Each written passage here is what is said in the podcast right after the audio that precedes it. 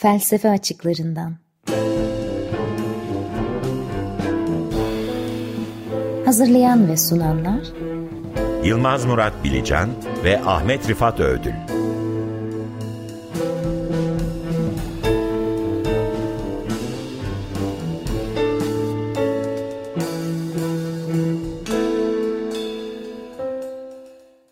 Herkese merhabalar. Yeni bir felsefe açıklarından programındayız. Ben Yılmaz. Ben Rifat. Bu programda e, haftalardır üzerinde konuştuğumuz antik Yunan felsefesinden biraz uzaklaşıp Ortaçağ İslam dünyasına uzanacağız. E, milattan sonraki 10. yüzyıl sonlarında iki yıl boyunca devam eden e, iki filozof ve bilim insanı Biruni ve ibn Sina arasındaki tatlı sert mektuplaşmalar konu olacak bugün. Konuğumuz Ege Üniversitesi İlahiyat Fakültesinden e, öğretim üyesi ve dinler tarihi uzmanı Profesör Doktor Bekir Zakir Çoban. Bekir Hocam hoş geldin. Merhabalar, hoş bulduk. Hoş geldin Bekir Hocam.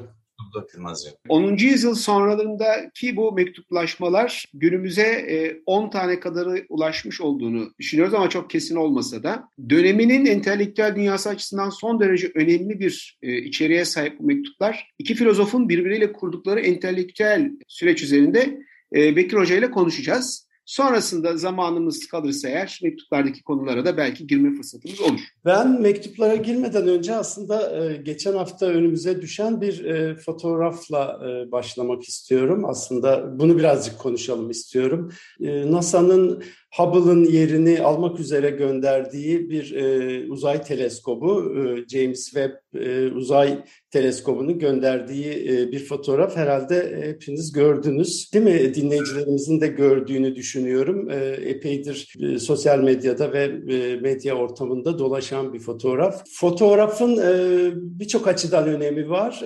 Birincisi bir kum tanesi kadar bir alanın inanılmaz net görüntülerini sağlamış durumda uzay görüntüsünü ve bu görüntü 4.6 milyar yıl öncesine dayanıyor. Çünkü 4.6 milyar e, ışık yılı öncesinden bize ulaşan e, bir görüntü ve görüntüdeki her bir e, ışık olarak gördüğümüz noktacık aslında bir galaksi.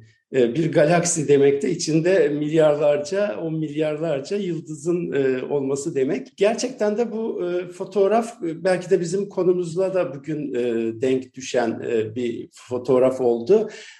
Biruni ve İbn Sina'nın bundan bin yıl önceki tartışmasını, mektuplardaki heyecanını düşününce aslında o heyecanı şu an o fotoğraf bize de yansıttı diye düşünüyorum. Ne dersiniz o fotoğraf ne düşündürdü sizlere? Valla ben e, şimdi Twitter'dan bugün yazdım ki o fotoğrafı da paylaşıp e, çokça hem sosyal medyada pek çok kişi paylaştı, üzerine bir şeyler söyledi. Ya dedim bu kocaman evrenin böyle mini minnacık köşesinde küçücük bir zaman dilimi için bir araya gelmiş hani yol arkadaşları sayılırız hepimiz.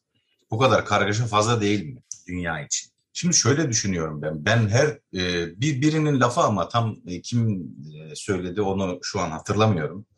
E, diyor ki eğer e, tereddüde düşersen bazı konularda bazı mevzuları çok abarttığını düşünürsen gökyüzüne bak. Bunu niye söylediğini şöyle tahmin ediyorum. Yani insanoğlu kendini sorunlarını çok fazla abartıyor ve aslında bu fotoğraf bizim tevazu ve işte e, geçicilik hissimizi arttırmalı. Yani hem e, yatay olarak hem de dikey olarak. Neyi kastediyorum?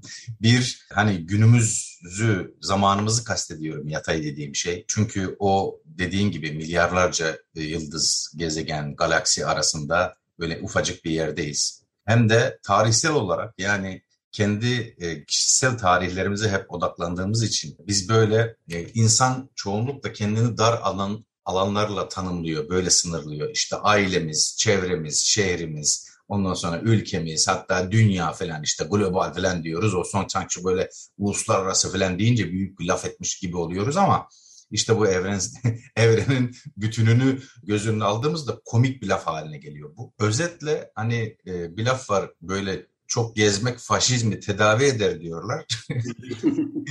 Şimdi bu fotoğraflar da bizim böyle abartıp takıntı haline getirdiğimizi, böyle zorladığımızı, kendimizi paraladığımız bazı konuları çok böyle birden anlamsız hale getirecek, bizi terbiye edecek, böyle ufkumuzu açacak bir görüntü diye yorumluyorum ben. Ben benim de aklıma şu geldi Bekir Hocam sizin e, düşüncelerinizden sonra bu Carl Sagan'ın yıllar önce ve Voyager'ın çektiği fotoğrafla ilişkili bir yorumu vardı. Orada da astronominin e, alçak gönüllü ve kişilik geliştiren bir uğraş olduğundan bahsediyor. Kesinlikle. Evet. Kesinlikle. Kişiliği geliştiren bir uğraş ve insanı mütevazi kılan bir uğraş. O zaman bir göğe bakma durağı lazım her yere. Kesinlikle. aynen öyle. Bakmamız lazım. Tabii aslında çıplak gözle de baktığımızda e, bu söylediklerinizi düşünmek mümkün. Yani gökyüzü e, ne bakıldığında çıplak gözle de e, epeyce şey e, zengin görüntü elde edebiliyoruz ya da bizi düşüncelere sevk edecek epeyce bir şey e, var herhalde. Bu fotoğraf sadece biraz daha derinleştiriyor gibi Tabii. meseleleri. Bir de tarihsel şey veriyor. Yani bu tabii çok teknik ayrıntılarını bilmiyoruz ama kabaca bildiğimiz hani işte bilmem kaç milyar yılın tarihini veriyor bize. Çünkü o, o ışık hızıyla ölçülen bir e, uzaklıkta onları gördüğümüz anda yani aradan geçen o yani evrenin o büyük tarihiyle de ilgili bir şey veriyor. e, fikir veriyor bu, bu teleskopun şey. Yani e, evrenin e, henüz bizim tarafımızdan başına geleceklerden haberi yok. Bizim ona yapacaklarımızdan haberi yok o fotoğrafta mesela. Bizim ona neler yapacağımızı henüz bilmiyor. O, bu da eklenebilir belki. Vallahi yapabilir miyiz? E, onu Ya da- da tam tersi yani evren bize ne yapacak? Onu Yani o kadar e, büyük ki e, hatta yine Carl Sagan'ın sözünü e, hatırladım şimdi. E, eğer e, insanı merkeze koyup sadece biz varsak bu evrende e, çok büyük bir israf bu demişti değil mi o büyüklük karşısında? Evet. Evet evet doğru. Büyük bir israf denebilir. Sadece biz varsak burada. bir görüntü. Şimdi geçmişe doğru gidersek eğer bir Biruni ve İbn Sina'nın yaşadığı döneme doğru gidersek 10. yüzyıl sonralarına e, İslam dünyasının kültürel ortamı e, hakkında nasıl bir çerçeve çizilebilir Bekir Hocam? Felsefenin durumu, İslam aydınlanması denmesinin sebebi bu e, döneme. Ee, Şimdi bu e, hani e, Frederick Stark'ın çok güzel bir kitabı var Kayıp Aydınlanma diye. Şimdi onun deyimiyle aslında bir kayıp aydınlanmadan bahsediyoruz. Niye kayıp? Çünkü yeterince bilinmiyor. E, bunun temel nedenlerin nedenlerinden biri de e, belki en önemlisi de Avrupa merkezli bakış açısı. Aslında Batı dünyası işte biraz bir hegemonik söylemle her şeyi kendisine ve Yunan Roma kültürüne dayandığı için diğer aydınlanmalar aslında Batı aydınlanmasına da etkileri muhakkak olan bu aydınlanmalar biraz gölgede kalmış. Mesela bunun bir diğer örneği bu yegane e, kayıp aydınlanma değil. Hani belki bir teori olarak bahsedilebilir ama bir farklı bakış açısı ya da işte e, Avrupa merkezliliği, merkezciliğe bir itiraz. Bu Martin Bernal'in Kara Athena diye bir Evet. e, kitabı var mesela. Orada da işte onun temel itirazı da Batı medeniyetinin Afrika köklerinin inkar edilmesine ya da örtülmesine yönelik bir itirazı var. Şimdi İslam'ın altın çağı ya da İslam Rönesansı ya da işte İslam aydınlanması denilen bir olgu var. Evet bu daha çok işte Abbasi döneminde özellikle de Beytül Hikme'nin kuruluşuyla başlatılan bir dönem. Kabaca 8. yüzyılın ortalarından işte 14. yüzyıla kadar devam eden bir süreç. Gerçekten de hani düşünce anlamında e, bilimsel, ekonomik, kültürel anlamda bu İslam dünyasının e, böyle zirveyi yaşadığı bir dönem olarak bahsediliyor. O dönemin işte hani Batı resmi kadar çok gelişmiş olmasa da aslında zihnimizde böyle beliren bir takım resimleri var değil mi? Bağdat gibi. Yani e, meşhur bir takım kütüphanelerin, bir takım işte akademik merkezlerin olduğu e, bazı yerler.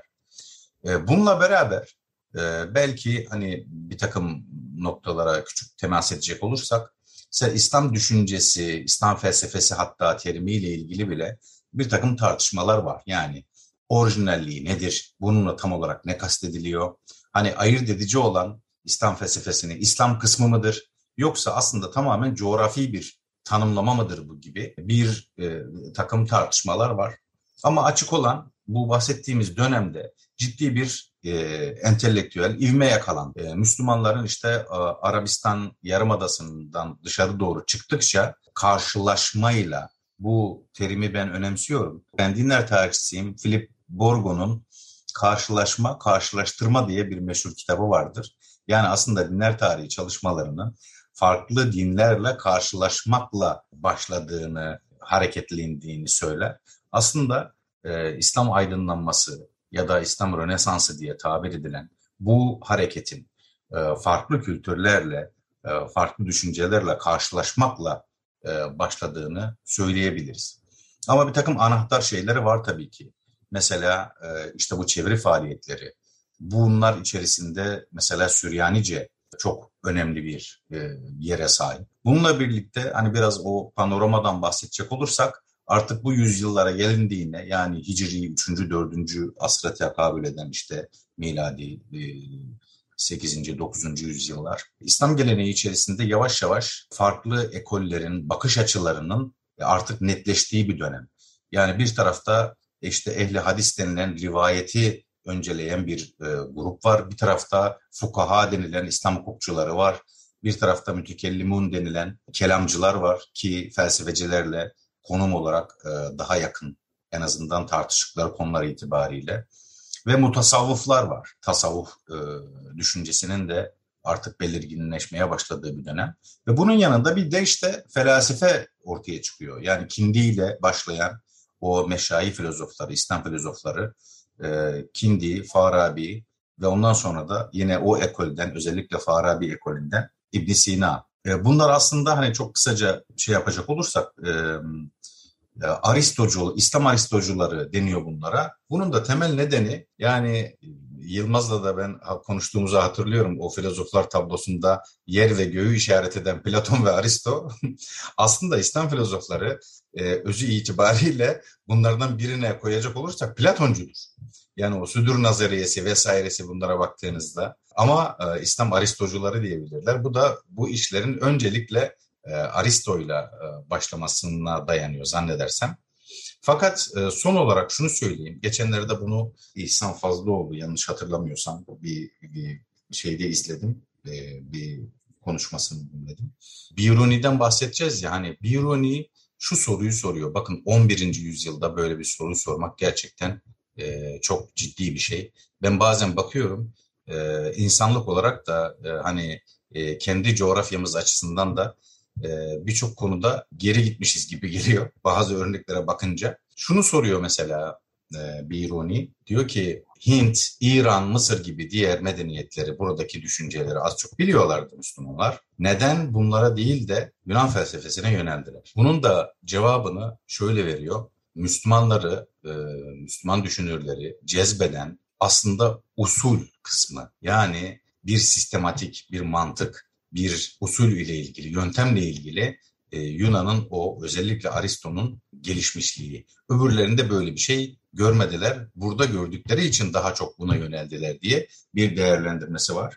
Ama hani o dönem şartlarını düşündüğünüzde gerçekten hani bunların her biri o e, mektuplardan da bahsedeceğiz. Çok üst düzey, çok e, karmaşık mevzular. Evet zaten hem Farabi hem İbn Sina e, olsun özellikle de Aristoteles'in mantığıyla çok ilgililer.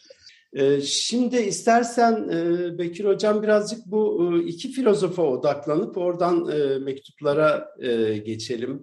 Mesela Biruni deyince böyle onun bilimsel çalışmaları hakkında epeyce şey söyleniyor ama size göre böyle en öne çıkan özellikleri Biruni ve İbn Sina'da. Şimdi e, Biruni e, 970'li yıllarda doğuyor. E, Harizm kentinde. O meşhur El Harezmi'nin hemşerisi diyebiliriz. E, ölümü de 1048 yani 11. yüzyıldan bahsediyoruz kabaca. E, hatta e, bu doğduğu yere nispetle bazen Biruni El Harizmi diye de bilinen birisi. E, ailesiyle ilgili çok fazla bilgimiz yok ama mesela e, Türkiye'de bu şey var. İşte Türk müydü değil miydi diye Sümerlere varıncaya kadar hep böyle tartışmalar var. Bu Biruni de onlardan bir tanesi. Hani çalışmalarına, eserlerine e, verilen önem bence daha değerli. Yoksa e, onun hangi milletten olduğunu tartışmak e, çok da mantıklı değil. E, tabii ki o dönemde birilerinin himayesiyle bilim daha çok e, yürüyor. Tek başınıza böyle bireysel olarak bir şeyler yapmanız çok mümkün değil. İşte bu bağlamda aslında işte Samaniler, Müveyhiler gibi birçok böyle hanedanın e, himayesinde çalışmalarını yapıyor ama asıl Biruni ile neredeyse özdeşleşen e, hükümdar Gazneli Mahmut. Onun özellikle Hindistan'la münasebeti açısından da Çünkü Gazneliler oraya kadar gitmişti. Gazneli Mahmut ve Gazneliler önemli. Biruni'nin en hani ben kendi alanım itibariyle en çarpıcı tarafı onun dinler tarihçiliği. E, çünkü bazı Hint kutsal metinlerinden bazı parçaları Arapçaya çevirecek kadar çok iyi Sanskritçe öğrenmiş bir defa. Ve bununla da ilgili zaten Tahkik Malil Hint diye Hindistan üzerine incelemeler diye. Bu Biruni'nin gözüyle Hindistan diye Türkçe'ye de çevrildi. Fakat e, Biruni'nin iki tane temel eseri var günümüze kalan, Türkçe'ye de çevrilmiş. Birisi El Asarul Bakiye, yani maziden kalanlar diye çevrildi. Diğeri de Tahkik Malil Hind. Bu ikisini de özellikle de e, Tahkik Malil Hind'i çevirmek o kadar zor ki.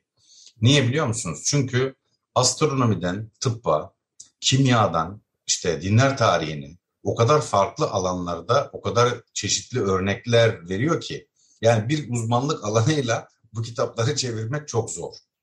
Ve gerçekten hani bazıları için dahi filan deha denir. E, bence Biruni e, bu sıfatı hak eden e, insanlardan bir tanesi. Ve de mesela modern dinler tarihi çalışmaları ancak 20. yüzyılın sonunda bir geldiği bir objektiflik kriteri var. Hani bunu ta 11. yüzyılda Biruni'de görüyoruz biz. Buna soruyorlar ki işte Hindistan'da Hindular yani dinden çıkana ne yapıyorlar diye. Bu konuyla ilgili diyor 6 tane kutsal metin var diyor. Bunlardan ben sadece 4 tanesini okudum. Ee, o kalan hepsini okumadan bu konuda bir şey söylemem ahlaki olmaz. Yani bu bu bakış açısına bu e, seviyeye bakar mısınız? E, işte Biruni'yi gerçekten büyük yapan bu ve diğer kitabı mesela takvimlerle ilgili daha çok ağırlıklı olarak e, ve bunu kafaya takmış ve bununla ilgili e, bir oturup eser yazmış.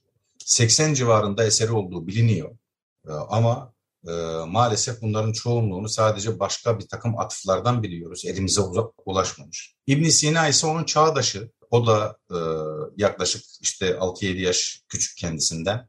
1980'lerde doğuyor. Buhara yakınlarında.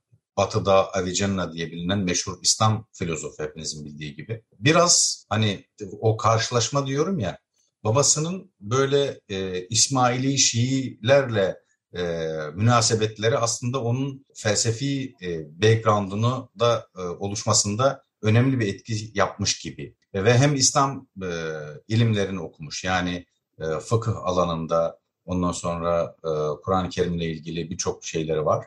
Daha sonra işte e, Samani hükümdarının bir hastalığını tedavi etmesi sonucu bir saray hekimi haline geliyor. Onun da özellikle tıp alanında hepimizin bildiği o el kanun fit tıp e, yüzyıllarca hatta şey diyor bazıları yani tıbbın incili haline geldi diye e, batıda bu hale gelmiş birisi ve çok iyi bir farmakolog. 800'den fazla ilacı böyle listelediği bir eseri var. Demin de bahsettim Farabi'ye, Farabi çizgisinden gelen biri. Ama aynı zamanda felsefeyle oldukça ilgili birisi. E, fakat bir karşılaştırma yapacak olursak biraz bu mektuplardaki tartışmalarla da ilgili. İbn Sina daha ziyade tıp ve felsefede çok daha yetkin olduğu anlaşılıyor. Biruni'nin ise astronomi, matematik ve dinler tarihinde çok daha yetkin bir isim olduğu anlaşılıyor. Ve e, hani son olarak şöyle söyleyeyim. Hani İbn Sina, Biruni, işte Farabi gibi isimler neden önemli? Bu evrensellik algısı ve o hakim tipi eski. İşte psikolojiden musikiye varıncaya kadar bunlar her şeyle ilgileniyor. O hep işte hayatın bütünlüğü, işte e, bütüncül bakış vesaire dediğimiz şey var ya e, aslında e, tamam yani uzmanlaşma birçok açıdan işimize yaradı ama bir de parçalanma getirdi. Bu tip filozoflar bu evrenin, insanın hayatı çeşitli alanlarıyla hep böyle bir bütün e, olarak bakmaya çalışan, böyle inceleyen kişiler e, ve de e, hani diğer geleneklerle baktığımızda mesela birisinin şöyle bir yorumu var işte Battamyus astronomisi, Galen, tıbbı, Öklit, geometrisinin böyle e, muhteşem bir sentezi gibi algılıyorlar. İşte evrensellik dediğim biraz da böyle. Peki Bekir Hocam, şimdi bu Biruni ve ibn Sina arasındaki e, iki yıl boyunca süren ve oldukça sert bir dile sahip e, mektuplaşmaları nasıl yorumlarız? E, döneminin kültürel or- ortamı açısından nasıl bir yerde bu mektup?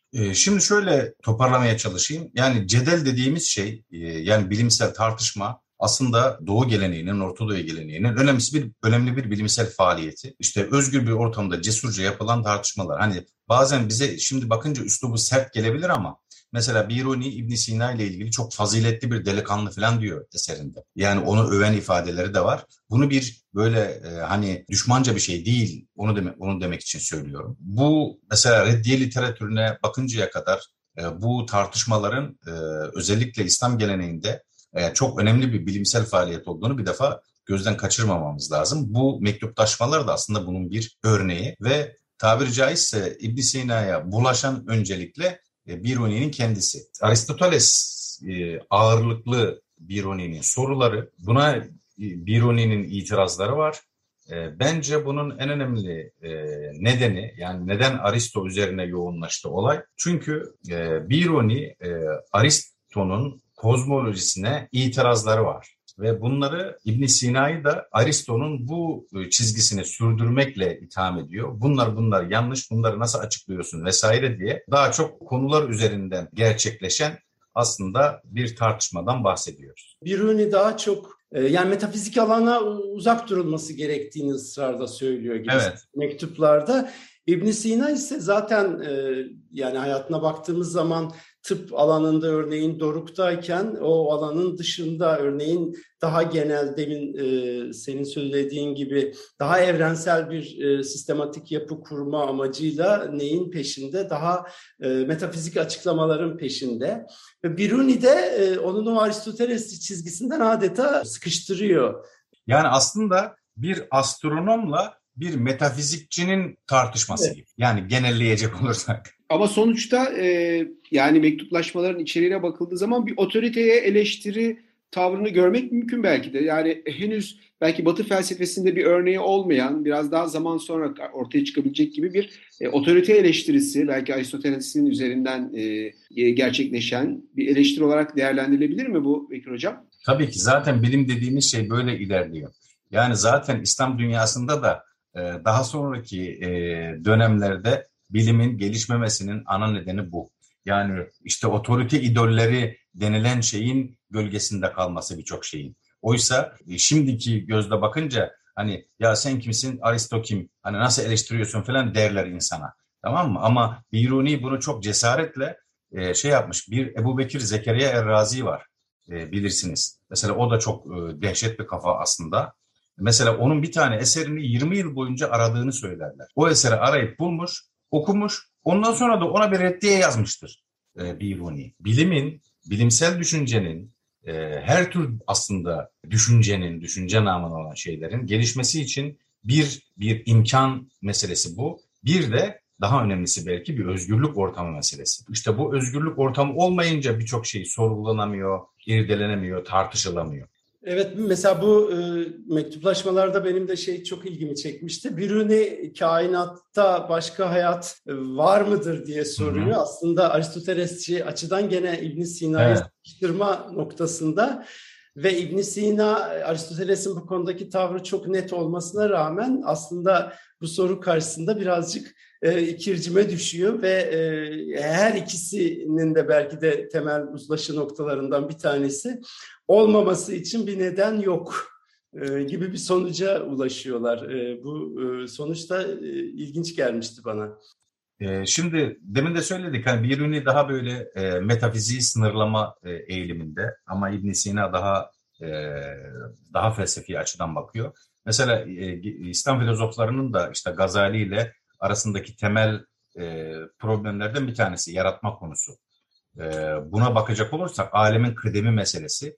Mesela Biruni aslında İbn Sina ve Farabi'den bir adım daha ileri gidiyor gibi. Çünkü e, Biruni kainatın ebedi olduğunu söylüyor.